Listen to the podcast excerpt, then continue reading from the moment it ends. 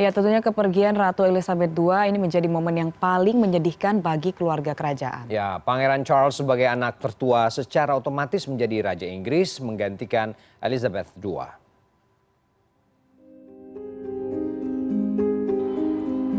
Wafatnya Ratu Elizabeth II menimbulkan duka mendalam bagi keluarga kerajaan. Charles telah memberi keterangan resmi mengenai ibunya Ratu Elizabeth II yang meninggal pada Kamis sore waktu Inggris. Kepergian sang ratu merupakan momen yang sangat menyedihkan baginya dan seluruh keluarga.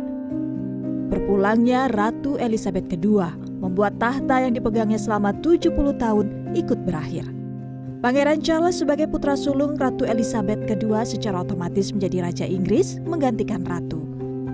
Pihak Kerajaan Inggris mengumumkan Raja baru Inggris secara resmi dikenal sebagai Charles III.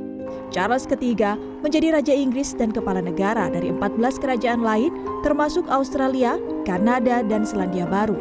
Sementara itu sang istri Camilla akan menjadi permaisuri.